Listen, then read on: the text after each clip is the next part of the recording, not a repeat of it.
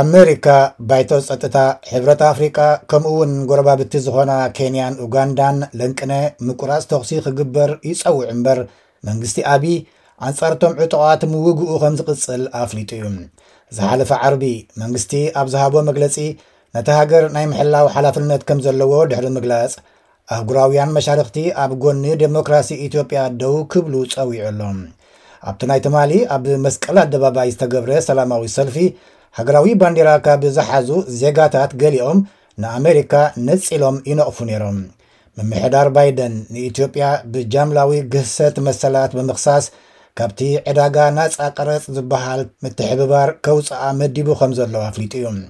ሕጂ ኣብቶም ሰልፈኛታት ኣመሪካ ክትሓፍሪ ይግባእ ዝብል ጭርሖ ይንበብ ነይሩ።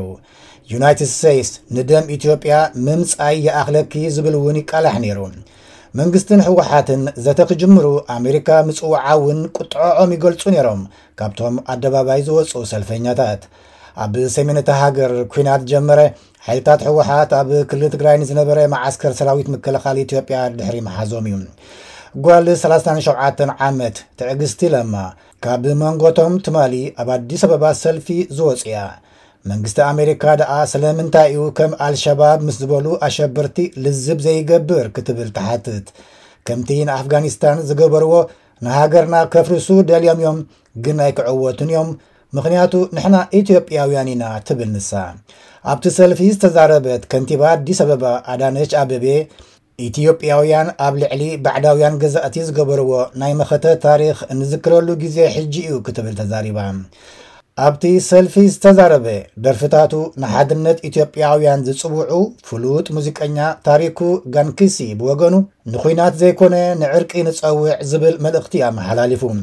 መንእሰያት ናብ ግንባር ከይዶም ኣይሙቱ፣ ዓበይቲ ቆጽሊ ሰላም ሒዞም ይኺዱ ብምባል ብሽምግልና ይሓይሽ ኣብ ሻምብቆ ብረት የብቅዕ ፍታሕ ኣይኮነን ኢሉ ኣዋጅ ህፁፅ ሓደጋ ኢትዮጵያ ዕድሚኦም ንውትድርና ዝኣኸለ ዜጋታት ወተሃደራዊ ግዴታ ክቕበሉ ወተሃደራዊ ስልጠና ክወስዱ ትእዛዝ ከመሓላልፍ ዘኽእል እዩ ህወሓትን ደገፍቶምን ዝሓለፈ ሰሙን ንሮይተርስ ክዛረቡ ከሎ ካብ ኣዲስ ኣበባ ኣብ 325 ኪሎ ሜትር ርሕቐት ኣለና ኢሎም ነይሮም።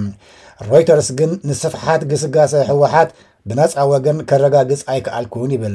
መንግስቲ ድማ እቲ ጉጅለ ንዓወታቱ የጋንኖ እዩ፣ ገለ ሚድያታት ድማ ናይ ሓሶት ወረ ተተሓሒዘንኦ ኣለዋ ይብል።